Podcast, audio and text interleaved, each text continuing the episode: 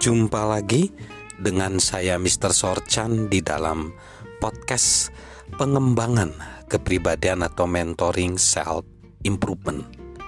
Saat ini konteks besar kita membangun diri kita, menumbuhkan diri kita dan menggali potensi diri. Kita akan belajar tentang hukum cermin, yaitu kita melihat ke dalam diri kita agar kita menambah nilai dalam diri kita. Dan kita akan belajar tentang langkah-langkah untuk membangun citra diri kita. Langkah-langkah untuk membangun citra diri kita. Kepada atau orang yang tidak memiliki masalah dengan citra diri, biasanya orang yang dibesarkan di lingkungan yang positif. Dan Orang tersebut biasanya percaya diri untuk mampu meraih sukses.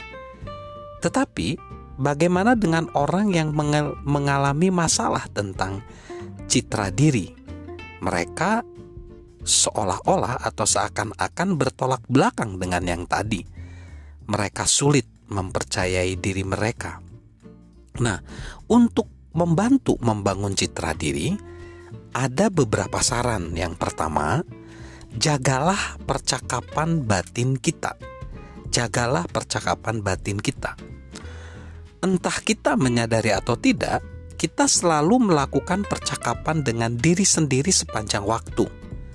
Seperti apakah percakapan kita? Apakah kita memberikan dorongan semangat pada diri sendiri, atau apakah kita mengecam diri sendiri? Jika kita bersikap positif, kita membantu menciptakan citra diri yang positif. Jika kita bersikap negatif, kita menggerogoti nilai diri kita sendiri. Dari manakah percakapan batin yang negatif dan penuh kecaman tersebut? Biasanya berasal dari pola asuh yang kita terima. Di dalam buku mereka The Answer, pebisnis dan penulis John Asaraf dan Murray Smith berbicara tentang pesan-pesan negatif yang diterima anak-anak saat mereka sedang bertumbuh. Mereka menulis begini, pada saat Anda mencapai usia 17 tahun, Anda telah mendengar tidak, kamu tidak mampu, kira-kira 150 ribu kali. Anda telah mendengar, ya, kamu mampu, sekitar 5000 kali. Itu artinya 30 tidak untuk setiap satu ya.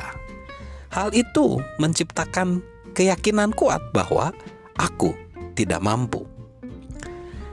Hal ini tidak mudah diatasi.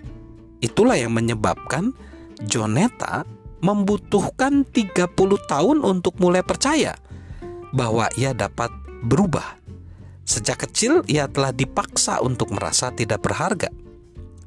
Jika kita ingin mengubah kehidupan kita, kita harus mengubah cara berpikir kita tentang diri sendiri. Jika kita ingin mengubah cara berpikir kita tentang diri kita sendiri, kita perlu mengubah cara kita berbicara pada diri sendiri. Dan semakin tua kita, semakin besar tanggung jawab kita untuk cara berpikir kita, berbicara, dan percaya. Bukankah kita telah memiliki banyak persoalan dalam hidup ini? Mengapa harus menambahinya dengan membuat diri kita sendiri putus asa melalui percakapan batin yang negatif? Saat masih kanak-kanak, kisah kesukaan John C. Maxwell adalah The Little Engine That Could mesin kecil yang mampu. Mengapa? Karena ceritanya sangat menggugah semangat. John membacanya berulang kali dan John sering berpikir, "Itukah aku? Kupikir aku juga mampu." Kita perlu belajar untuk menjadi pembangkit semangat dan pemandu sorak bagi diri kita sendiri. Setiap kali kita melakukan pekerjaan yang baik, jangan biarkan itu lewat begitu saja. Berikanlah pujian, pada diri kita sendiri. Setiap kali kita memilih untuk disiplin, bukan bersenang-senang, jangan katakan bahwa itu sudah seharusnya akuilah seberapa besar itu membantu diri sendiri. Setiap kali kita membuat kesalahan, jangan membicarakan segala yang salah dengan diri kita sendiri. Katakanlah pada diri kita sendiri bahwa kita sedang membayar harga untuk menjalani pertumbuhan dan bahwa kita akan belajar melakukan yang lebih baik lagi pada kesempatan berikutnya.